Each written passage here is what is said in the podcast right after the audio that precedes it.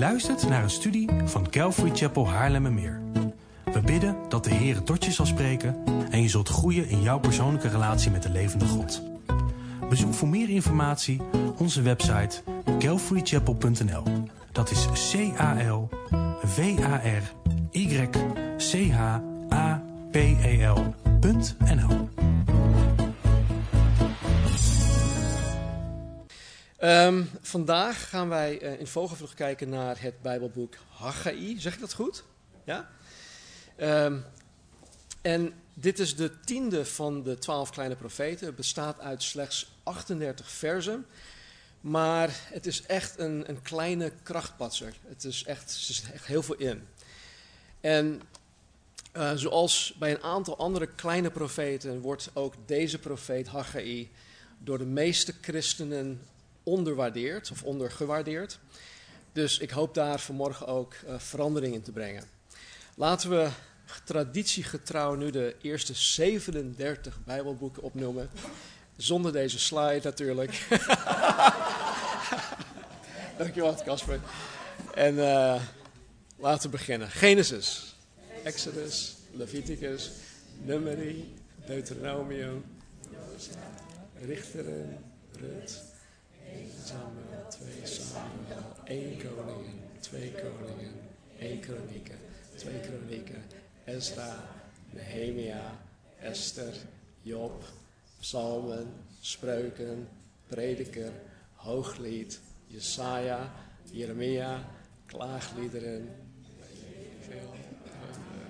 Hosea, Joel, Amos, Obadja, Jona, Micha, Naum, Habakkuk, Savanja. Oké. Ja, het wordt steeds moeilijker, ik weet het.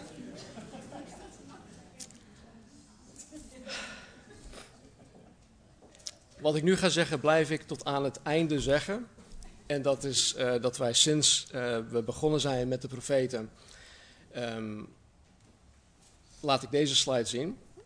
En dat de profeten hun bediening hebben uitgevoerd tijdens deze periode. Ik heb het nu iets anders gedaan. Ik heb alleen Ezra geel gemaakt, omdat um, de profetie van Haggai plaatsvond in de tijd van Ezra, maar ook in het boek van Ezra.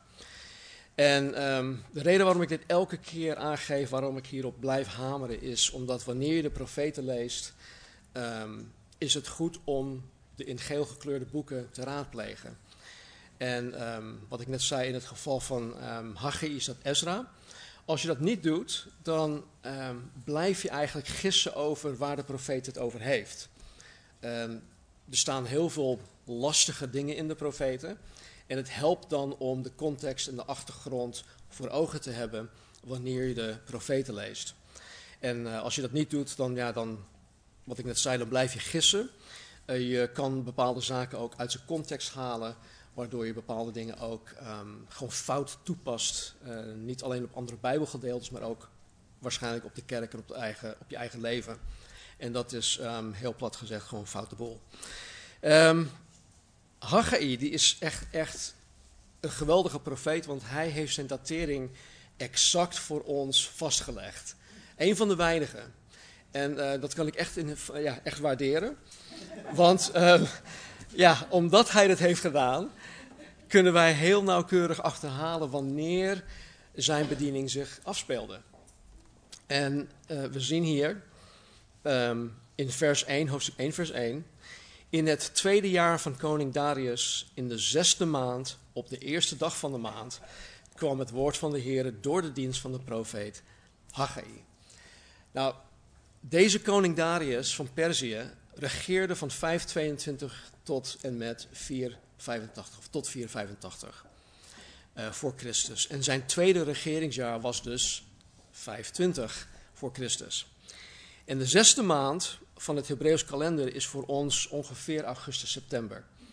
En het was op de eerste dag um, dat Haggai profeteerde. Dus eigenlijk vanaf dit moment begon zijn bediening. Um,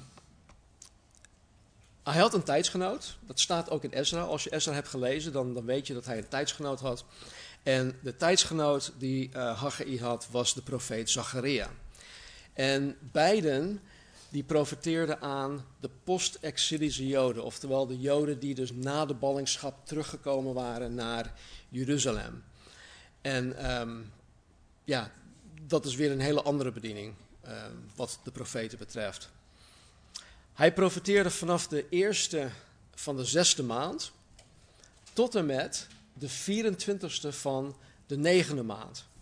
En dit houdt in dat zijn uh, profetische bediening maar een, heel, een kleine vier maanden lang duurde. Het was drie maanden en drie weken of zoiets. Dus hij had een hele korte bediening. En wat ik een beetje oneerlijk vind, is dat hij meer in drie maanden en, en, en drie weken voor, voor elkaar heeft gekregen dan ik nu in 15 jaar lang. Uh, en ja, het, het, is nou eenmaal zo, maar ja, uh, hij heeft heel veel gedaan in die korte tijd. Uh, de impact van zijn korte bediening had de wereld voor altijd veranderd. Zijn bediening heeft de wereld voor altijd veranderd. Dus wees bemoedigd. Ik spreek nu ook tegen mezelf. En denk aan wat God in jou en door jou heen in een korte tijd kan bereiken. Uh, dit geldt vooral, denk ik, voor mensen die boven de 58 zijn, zoals ik soms denk je van ja, maar ik zit nu aan het eind van mijn leven en ik heb nog maar uh, misschien hooguit 10 of 20 jaar. Of als de Heer uh, ja, me genade schenkt, misschien 30 jaar. Wat kan ik nog in die tijd doen? Heel veel. En ik weet uit ervaring dat sommige voorgangers eigenlijk uh, na hun zogenaamde ehm, pensioen eigenlijk meer deden voor eh, het koninkrijk dan in de 40 jaar daarvoor. Nou, Haggai bestaat uit slechts twee hoofdstukken, uh, 38 versen. Maar in deze twee korte hoofdstukken staan vier verschillende uh, profetische uitingen die zowel een gigantisch impact hebben gehad uh, op de tijd van toen, de wereld van toen, en ook nog zal hebben op wat nu nog toekomstig is. En we zouden het kunnen indelen als volgt. Hoofdstuk 1 tot en met hoofdstuk 2, vers 1 uh, eh, bevat de aansporing om aan de slag te gaan met het bouwen van Gods tempel. En ze moesten bemoedigd worden en aangespoord worden om te gaan bouwen.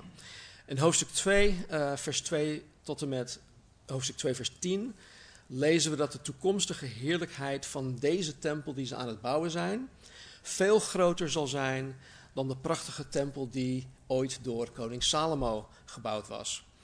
En in hoofdstuk 2, uh, eh, vers 11 tot en met hoofdstuk 2, vers 20 lezen we dat uh, hoewel het Joods volk zich in het verleden bezoedeld heeft of verontreinigd heeft door te zondigen, de Heere hen vanaf dit moment zal zegenen. En dit vanwege hun gehoorzaamheid om de tempel toch te gaan bouwen. En dan het laatste, de laatste vier versen belooft, of in de laatste vier versen belooft de Heer het koningschap en de heerschappij van de Messias in het duizendjarig vrederijk. Um, en dat hij zal, Jezus zal uh, regeren. Nou, um, deel 1, hoofdstuk 1, vers 1.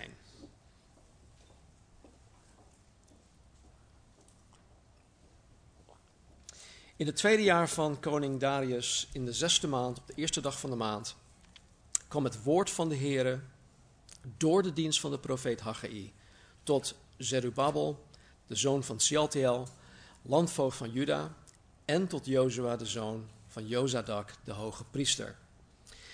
Dus in vers 1 worden we voorgesteld aan de profeet Haggai.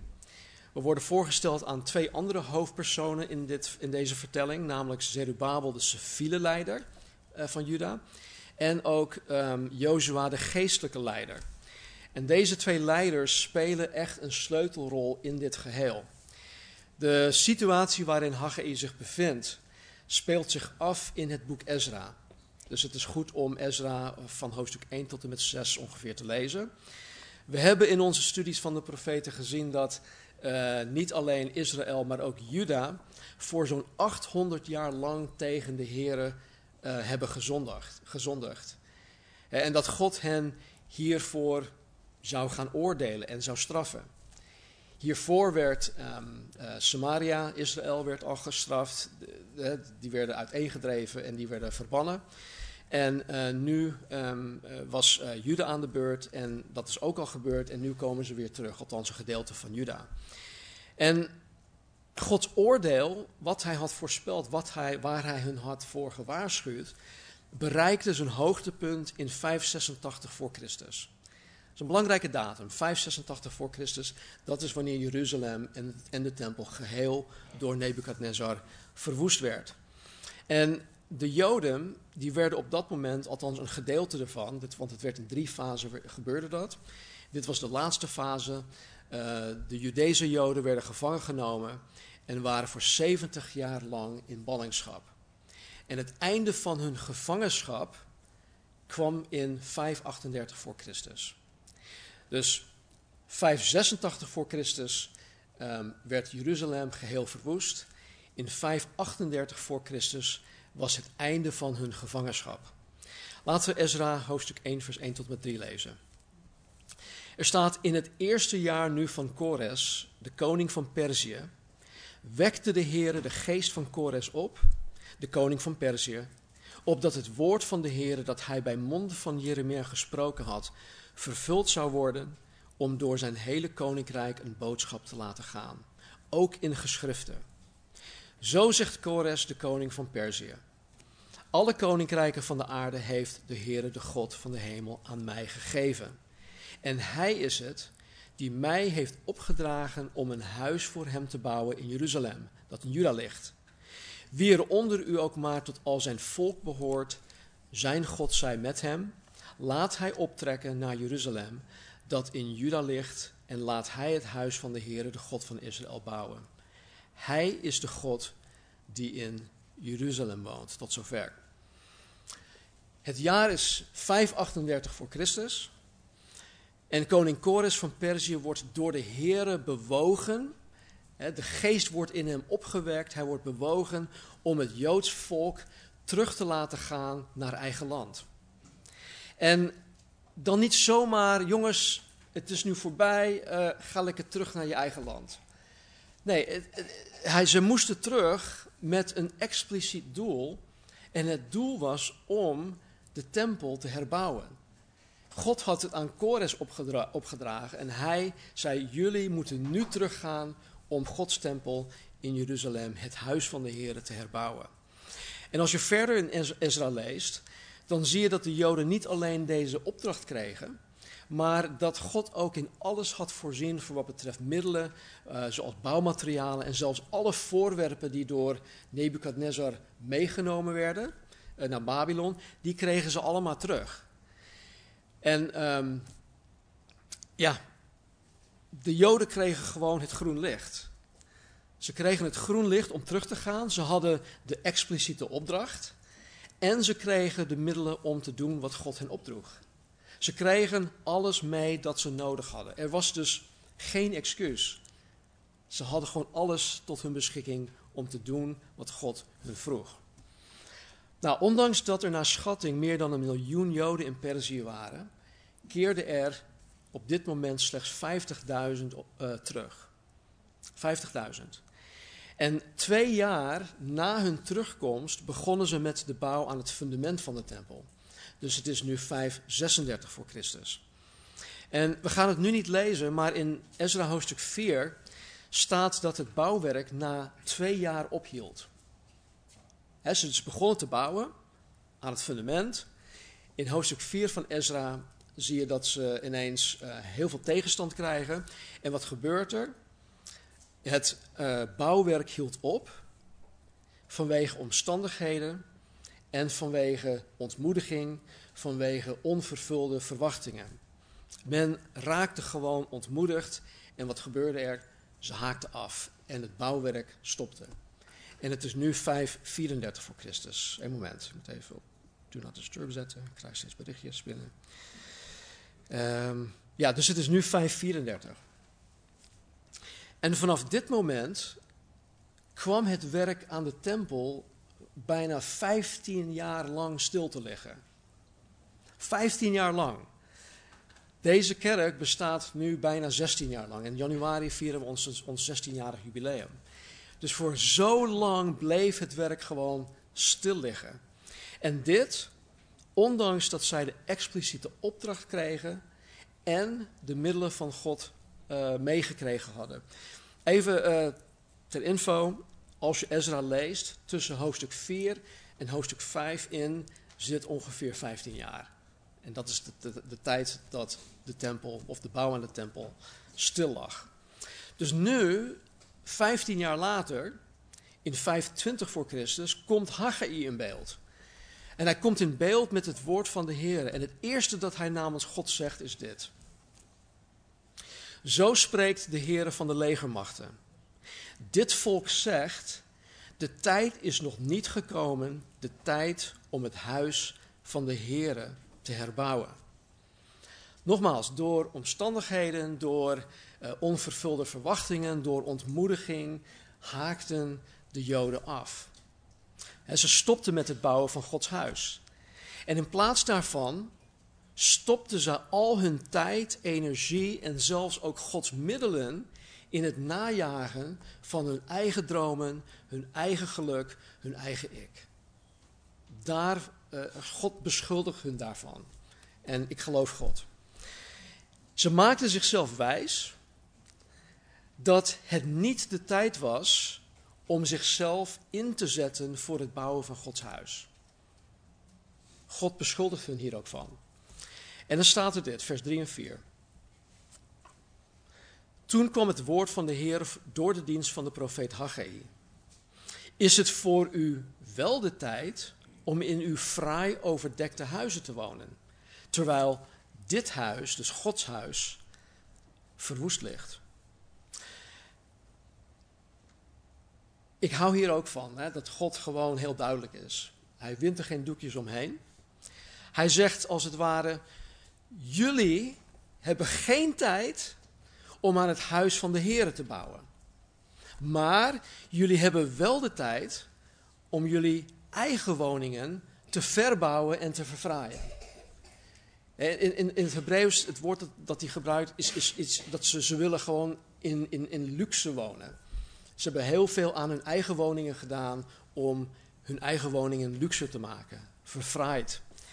En dit terwijl de tempel nog steeds in puin ligt. En dit terwijl ik, God, jullie de expliciete opdracht en de middelen had gegeven om het te bouwen. En God zegt als het ware, luister, hier klopt helemaal niets van. Dit is geen goede zaak, Juda. Vers 5 en 6. Nu dan, zo zegt de Heer van de legermachten. Let aandachtig op uw wegen. U zaait veel, maar u brengt weinig binnen. U eet, maar niet tot verzadiging. U drinkt, maar wordt niet dronken. U kleedt u, maar wordt niet warm. De dagloner ontvangt zijn loon in een doorboorde buidel. De Heer zegt: let aandachtig op uw wegen. Oftewel, pas op de plaats. Denk even heel goed na. Waar zijn jullie mee bezig? In vers 7 zegt hij het weer, hè? dus um, hetzelfde. Let aandachtig op uw wegen. God wilde dat de Joden op dit moment hun eigen harten, hun levensstijl, hun motivaties, hun dromen, hun begeerten en alles dat daarmee gemoeid ging. God wilde dat, dat zij dit allemaal onder de loep namen. Zij moesten een inventarisatie doen van hun leven en waar zij zich mee bezig hielden. Door niet met Gods zaak bezig te zijn, raakten zij er 15 jaar lang gewoon aan gewend om geen tempel te hebben.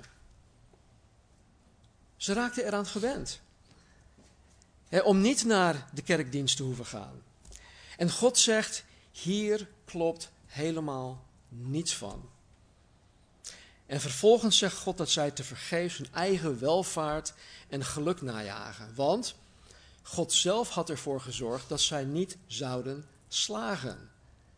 God had ervoor gezorgd dat zij geen succes zouden krijgen en geen succes zouden ervaren, omdat zij hun prioriteiten verkeerd hadden gesteld. Staat, u zaait veel, maar brengt weinig binnen. Met andere woorden, het rendement van wat zij investeerden was miniem. Ze kregen minder terug dan wat zij investeerden. U eet, maar niet tot verzadiging. Met andere woorden, ze hadden niet genoeg eten op tafel. Er staat hier, u drinkt, maar wordt niet dronken. Ik vind het een beetje jammer dat het zo vertaald is. Het zou beter vertaald zijn als, het bij, als bij het eten. En dat er gewoon niet genoeg te drinken was. U kleedt u, maar u wordt niet warm. God constateert dat hun kleding gewoon ongeschikt was. Eh, of dat ze niet voldoende kleding hadden. En dan het laatste is, de dagloner ontvangt zijn loon in een doorboorde buidel. En met andere woorden, luister, jullie zwoegen om geld te verdienen, maar jullie hebben gaten in jullie zakken. Er blijft aan het eind van de maand niets van over. Ze waren altijd blut. Ze konden hun rekeningen niet betalen. Ze stonden altijd in het rood. Dat was de staat van Juda na deze periode. En hun situatie spreekt niet alleen van een slechte economie, maar doordat zij juist het verkeerde najaagden, doordat zij hun geluk in alles behalve God probeerden te vinden, onttrok God zijn zegen van hen. Hij zegt: Willen jullie dit doen? Prima, ik trek me terug. Ik zal jullie niet meer zegenen. En in plaats van Gods zegen ervaarden zij Gods vloek. Wat in vers 10 en 11 staat in dit stuk, uh, wordt in Deuteronomium 28 beschreven. Vers 7 tot en met 11. Zo zegt de Heere van de legermachten: Let aandachtig op uw wegen. Ga het gebergte in, haal hout en herbouw dit huis. Uh, even, even een moment hier. Ze kregen alles mee. Hè. Als je Ezra leest, kregen ze alles mee. Ze kregen de, de materialen, de bouwmaterialen, hout, stenen, alles. En hier zegt God dus: ga het gebergte in, haal hout en herbouw dit huis. Wat is er met al de bouwmaterialen gebeurd? Het staat er niet, maar God beschuldigt hun wel van: hey, jullie doen wel heel veel verbouwingen en verfraaiingen aan jullie eigen huizen. Het staat er niet. Ik denk dat ze waarschijnlijk godsmiddelen hadden gebruikt voor eigen belangen. Goed, dat is even mijn eigen persoonlijke mening.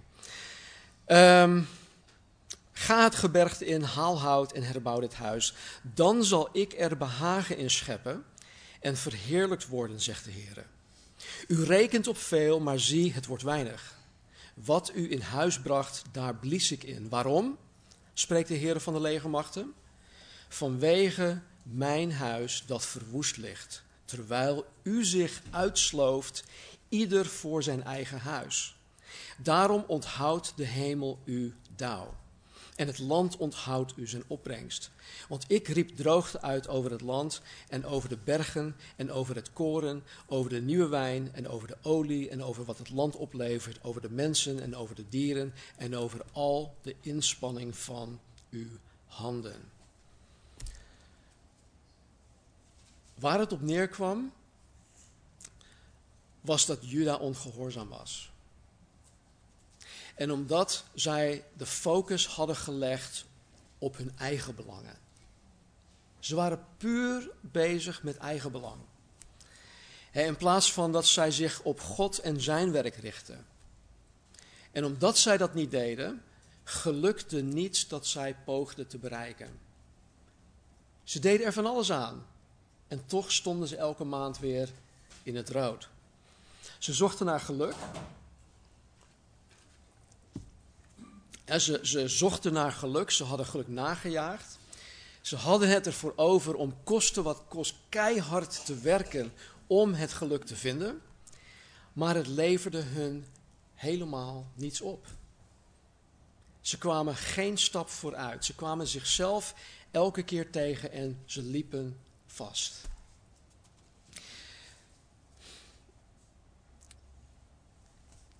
Ik zie, niet, hier hoor, maar ik, ik, zie, ik zie om me heen dat er mensen zijn die keer op keer in dezelfde patroon of foute patroon vervallen.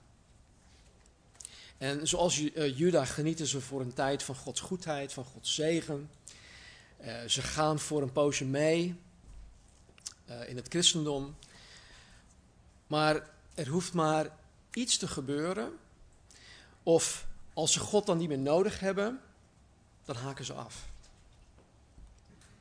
En de leugen waarin zij dan komen te geloven, is dat hun geluk afhangt van bijvoorbeeld um, het veranderen van de baan, of uh, meer geld te gaan verdienen, uh, of een nieuwe spannende relatie aan te gaan of aan te knopen, of misschien zelfs meerdere relaties tegelijk. Ze trachten hun geluk te vinden in het uitgaan of uh, misschien zelfs continu online shoppen. of te gaan werken aan hun lichaam, hun uiterlijk. Uh, soms jagen ze zelfs te vergeefs al deze dingen tegelijk na. Maar hoe goed je ook je best doet om middels deze dingen je geluk te vinden, je komt er vroeg of laat altijd bedrogen uit. God weet wat je nodig hebt. En Hij is er zelfs toe bereid om je met meer dan wat je nodig hebt te zegenen. Ik heb het wel eens vaker gezegd. God zal bij niemand in het krijt staan. Met andere woorden, als ik ga roemen van Heer, ik, ben, ik, ben, ik heb Amerika achter, achter me gelaten, ik heb mijn huis verkocht, ik heb allerlei dingen gedaan, bla bla bla, om u te dienen. Dan zegt God, oké, leuk. Maar ik heb, je, ik heb je toch al veel meer gegeven. Ik ga je toch veel meer geven. Dus um, in het Engels zeggen we, we can't outgive God. We kunnen niet meer aan God geven dan God ons al gegeven heeft. God zal nooit bij de mens in het krijt staan. Dus God weet wat we nodig hebben.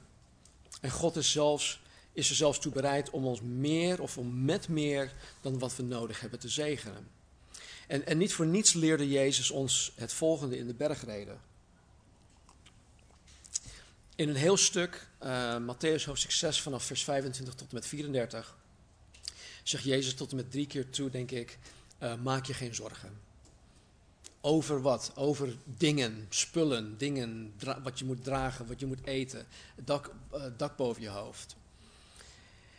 En dan zegt hij dit, dit is de kern, dit is de sleutel, maar zoek eerst het koninkrijk van God en zijn gerechtigheid.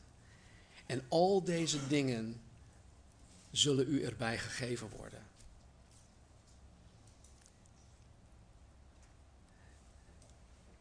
Als je niet slaagt in al je pogingen om geluk te vinden, om al die dingen te vinden, om die leegte te vullen in je leven, die alleen God kan vullen, dan zoek je het op de verkeerde plek.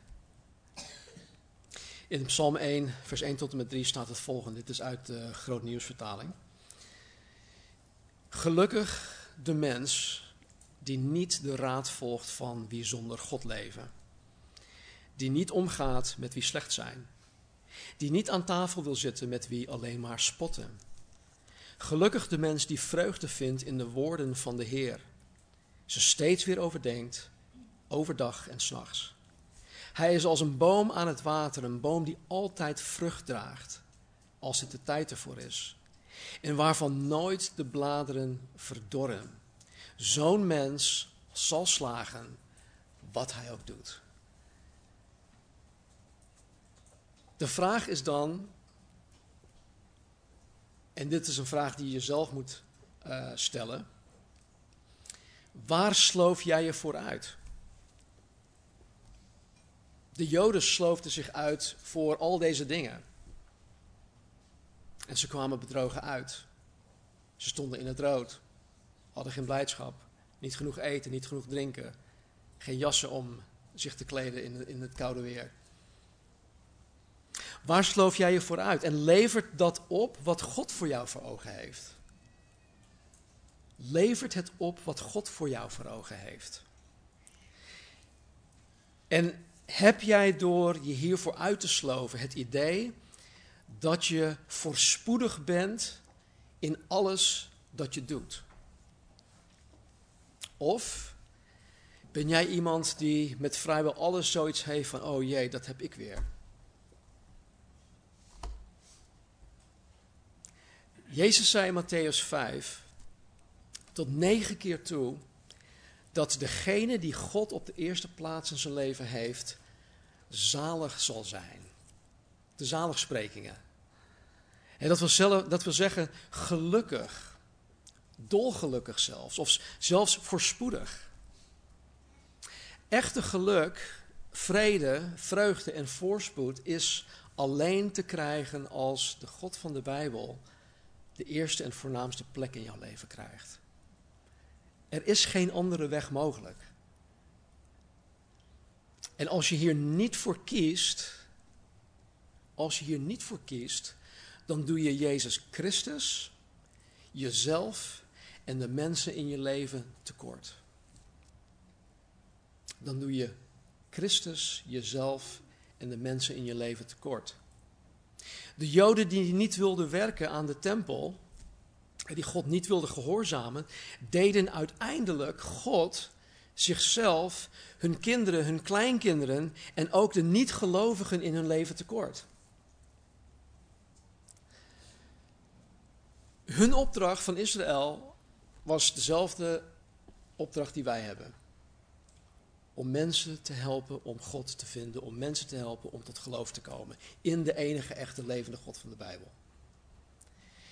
En als je je met allerlei andere dingen bezighoudt in plaats van met God en met zijn zaak, dan ben je ook gauw geneigd om mee te gaan met de dingen van de wereld. Ik had op, een, op jonge leeftijd, ik was of 12, 13 of 14, zoiets, had ik ehm, wel iets van het evangelie meegekregen, want ik ging mee met mijn ouders naar de kerkdiensten. Maar goed, ik, uh, op mijn vijftiende keerde, keerde ik mijn rug uh, tegen God en ging de wereld in. En uh, hield me met allerlei foute dingen bezig. En om mijn eigen genot ging ik mee met mensen, met andere jongere mensen, in dingen waarvan ik, waarvan ik gewoon wist, dit is echt fout, dit kan niet. Jullie horen dit eigenlijk ook niet te doen. Maar om mezelf te pleasen, ging ik daarin mee en ik onthield hen van de waarheid van het evangelie. En ik schaam me er nu voor. Ik, ik, ik, ik vind het gewoon verschrikkelijk dat ik die keuzes heb gemaakt. Dat ik anderen als het ware, om, om mezelf te pleasen, dat ik anderen gewoon bij wijze van spreken de hel in laat gaan. Omdat ik mijn eigen ding wilde doen.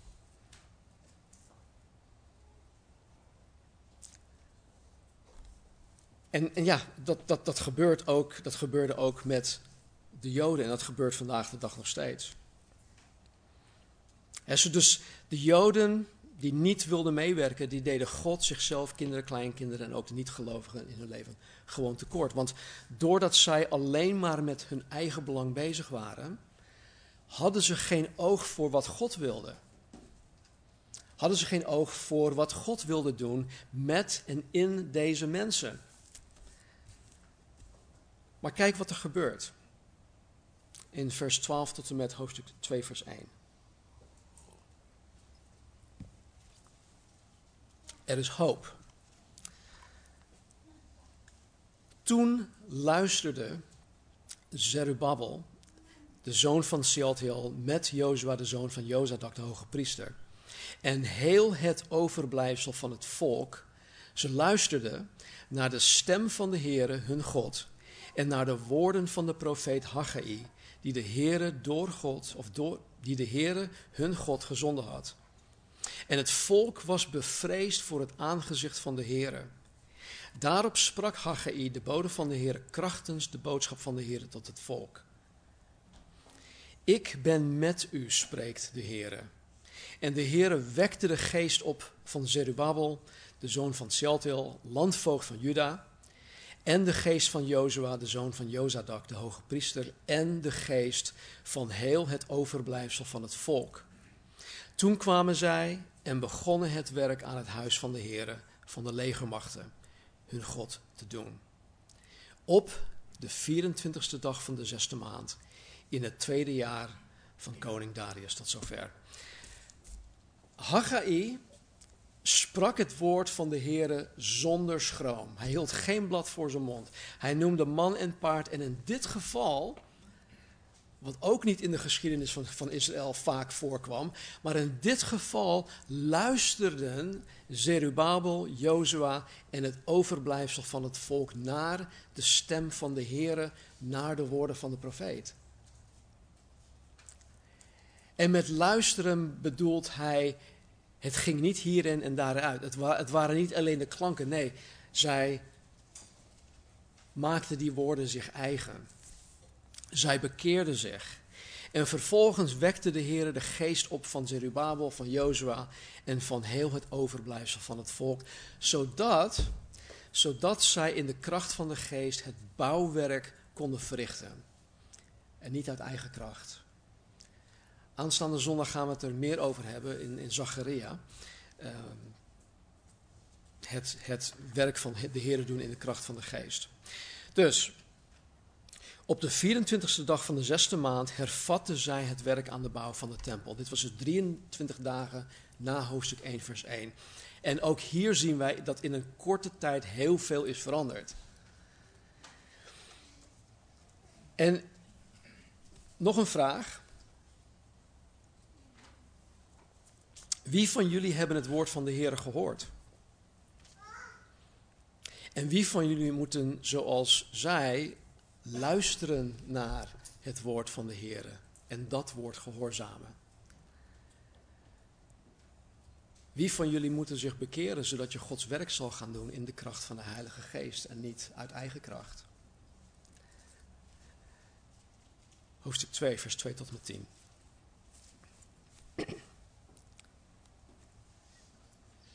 In de zevende maand, op de 21ste dag van de maand, dus 27 dagen later, kwam het woord van de Heer door de dienst van de profeet Haggai.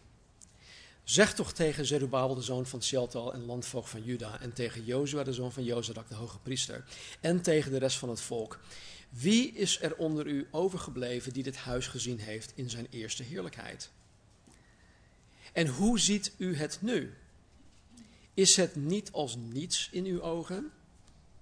Nu dan, wees sterk, Zerubabel spreekt de Heer, wees sterk Jozua, zoon van Jozadak, hoge priester, en wees sterk heel de bevolking van het land, spreekt de Heer.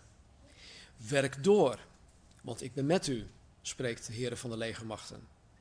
Volgens het woord van het verbond dat ik met u sloot toen u uit Egypte vertrok en mijn geest die in uw midden stond, wees niet bevreesd. Want zo zegt de Heer van de legermachten: nog één ogenblik, en dat is een korte tijd, dan zal ik de hemel en de aarde, de zee en het droge doen beven. Um, ik zal alle heidevolken doen beven. Ze zullen komen naar het verlangen van alle heidevolken. En ik zal dit huis vullen met heerlijkheid, zegt de Heer van de legermachten. Voor mij is het zilver en voor mij is het goud, spreekt de Heer. De heerlijkheid van dit toekomstige huis zal groter zijn dan die van het eerste, zegt de Heer van de legermachten. In deze plaats zal ik vrede geven, spreekt de Heer van de legermachten. We gaan niet naar alles in dit schriftgedeelte kijken. Um, volgens mij heeft Mark Walsh dit een maand geleden ongeveer behandeld. Uh, wat ik wel ga noemen, of wat ik wel wil noemen, is hoe God Juda door dit gedeelte bemoedigt. Hoe hij hun bemoedigt om, um, om het niet op te geven. Ze moesten sterk zijn. Ze moesten sterk zijn, ze moesten doorwerken, ze moesten niet bevreesd zijn. En de reden hiervoor was omdat God zijn verbond had gegeven. Hij is een God die zijn woord nakomt en die getrouw blijft aan zijn verbond. Dus vrees niet, Juda. God zal doen wat hij gezegd heeft dat hij zal doen. Ten tweede moesten ze sterk blijven, of sterk zijn. Ze moesten ook blijven doorwerken en ze moesten niet bevreesd zijn, omdat God met hen was. Hij zegt het. Ik ben met u. En omdat Gods geest in hun midden was. Gods geest was met hen. En hij, God zelf, door zijn geest zou het werk door hun heen doen. Ze hoefden het niet uit eigen kracht te doen. Ten derde moesten ze sterk zijn. Ten derde moesten ze blijven doorwerken en niet bevreesd zijn, omdat God in de nu nog toekomstig, uh, toekomst sorry, de boel zal opschudden. Alle naties en alle heidevolken die tegen God zijn, zal God gaan opschudden. En hij zal Juda tegelijkertijd een blijvend koninkrijk geven die niet onderhevig is aan die opschudding. Het zal niets met hun doen. En hij zal um, Jezus Christus zijn eigen zoon geven. En dat hij in vrede en in alle gerechtigheid zal gaan regeren. Dit vereist echt een vers voor vers studie, maar ik, ik, ik wil alleen nog even dit zeggen de heerlijkheid van de toekomstige tempel die hier genoemd wordt, wat uh, velen denken dat het de tempel uit Ezekiel 40 tot en met 48 is, die zal groter zijn dan de eerste tempel. En niet alleen dat, deze tempel die ze, die ze op dit moment aan het bouwen zijn, die zou sowieso groter zijn dan Salomo's tempel, omdat één um, Herodes er heel veel geld en, en, en, en tijd en energie in heeft gestopt wat uiteindelijk de tempel is geworden in Jezus' tijd. Dat was nog veel groter en grandiozer dan, dan de, de tempel van Salomo. Maar vooral ook omdat um, Jezus zelf deze tempel zou bezoeken. Zo'n 545 jaar later. Dus de glorie zal groter zijn dan Salomo's tempel, omdat God in de persoon van Jezus die tempel zou bezoeken. Al was het, voor een, een al was het tijdelijk. Want Christus is de glorie en de heerlijkheid Gods. Um, versen 11 tot en met 20.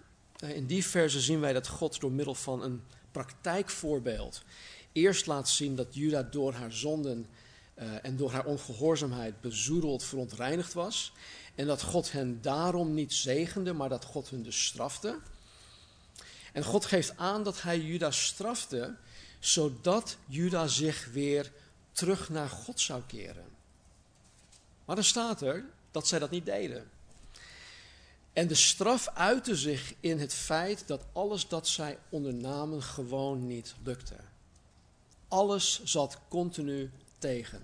Alles zat tegen. Het Centrum voor uh, Bijbelonderzoek zegt dit hierover, ik uh, citeer.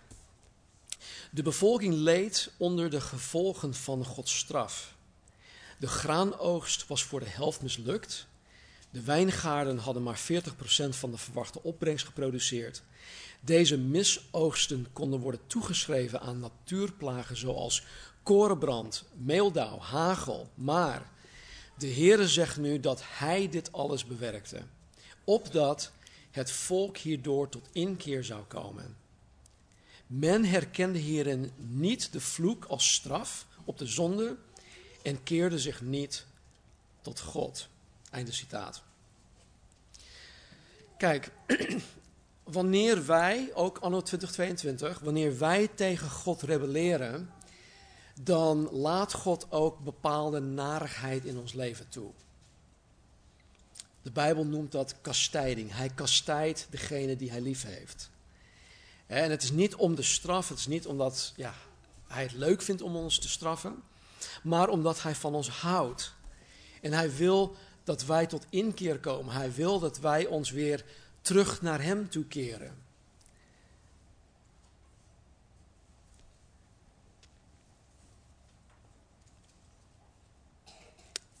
Dat had Juda en Israël al die tijd niet gedaan. Maar nu, vanaf dit moment, vanaf de 24ste dag van de negende maand, 25 voor Christus, nu Juda God wel gehoorzaamt, hè, door onder andere de tempel te gaan bouwen, zal God Juda uit genade vanaf dit moment Juda weer zegenen. Nou even, ik vind het zo frustrerend, maar goed, ik, ik denk dat er een goede reden is waarom Haggai zo exact deze datum heeft vastgelegd. Ik had in de afgelopen weken niet de tijd om alle berekeningen te doen en dat soort dingen. Maar ik ben er, ja, ik ben er zelf nog niet over uit, dus ik ga er eigenlijk niks meer over zeggen. Maar uh, zodra ik het um, schriftelijk zou kunnen bevestigen wat ik denk, dan zet ik mijn bevindingen in, uh, in een blog of in een e-mail of zoiets. Dan, uh, en als jullie niks horen, dan zit ik er gewoon helemaal naast. Ja? Goed, hoe dan ook, God belooft Juda vanaf dit moment hun weer te gaan zegenen. En dan tot slot in de laatste vier versen kijkt Haggai ver vooruit naar het duizendjarig vrederijk, het millennium, waarin Jezus als de koning der koningen in vrede en in gerechtigheid zal gaan regeren. En wij die, geweder, die wij die wedergeboren zijn, samen met hem. De tempel werd in augustus 586 voor Christus verwoest. En de bouw van deze tempel werd voltooid in maart 515 voor Christus. En dit vervulde de profetie van Jeremia dat de Joden voor 70 jaar lang in ballingschap zouden leven. Verbannen van de tempel. Het is volbracht. Het is volbracht zoals God het had gezegd. God sprak tot Zerubabel, hij sprak tot Jozua en hij sprak tot heel het overblijfsel van het volk. En wat gebeurde er? Zij bekeerden zich en ze gingen aan het werk. En weer een vraag. Wat heeft God vandaag tegen jou gezegd? Wat ben jij aan het bouwen? We bouwen allemaal wel aan iets. Wat ben je aan het bouwen? Zegent God het? Of heeft God zijn zegen daarvan onttrokken? Misschien heb jij jezelf bezoedeld door zonde. Als jij je terugkeert, zal God jou vanaf dit moment gewoon weer zegenen. Laten we bidden. Hemelse Vader, dank u wel dat u dit klein boekje aan ons hebt gegeven. Dank u wel voor de korte bediening van Haggai. Dank u wel dat u hem in een korte periode van 3,5 maand tijd zo krachtig gebruikt heeft. Heren, om het volk aan te sporen, om het volk aan te moedigen, om het volk te bemoedigen, om voor u aan het werk te gaan. Dank u wel, Heer, dat u genadig bent, dat u ondanks hun fouten Ondanks dat zij het werk voor 15 jaar lang hebben laten liggen, dat u hun daarvoor niet strafte. Maar dat u op het moment dat zij tot inkeer kwamen, Heer, dat u um, besloten had om hen vanaf dat moment weer te zegenen. U had hun gestraft in de zin dat u hun geen voorspoed gaf. Maar u had hun al eerder gestraft door Jeruzalem en de tempel te verwoesten. Dus Heer, u geeft hun door de boodschap van Haggai alleen maar hoop. En zo geeft u mij, zo geeft u ons ook alleen maar hoop. En ik dank u daarvoor, Vader. En Heer, als, als we aan het bouwen zijn, als we verkeerde dingen aan het bouwen zijn, vergeef het ons. Roep ons terug. Schenk ons die genade, Heer, die we nodig hebben. Heer, als we ons bezoedeld hebben, als we ons verontreinigd hebben door zonde, door ongehoorzaamheid, schenk ons bekering. En help ons, Heer, om vanaf dit moment, vandaag, vandaag 13 november 2022, om ons te bekeren. En zegen ons, Heer, alleen maar om dat feit. Dank u wel voor wie u bent. Dank u wel voor uw trouw. Dank u wel dat u een liefdevolle, rechtvaardige God bent. Een, vergeving, een vergevende God. Dank u wel dat uw genade veel groter is dan onze rebellie, dan onze zonde, dan onze ongehoorzaamheid.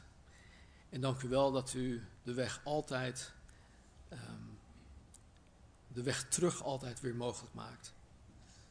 Dus Heer, dank u wel. Zegen ons en eh, help ons, Heer, alstublieft. We hebben u zo hard nodig. Dat vragen we in Jezus' naam. Amen. Amen.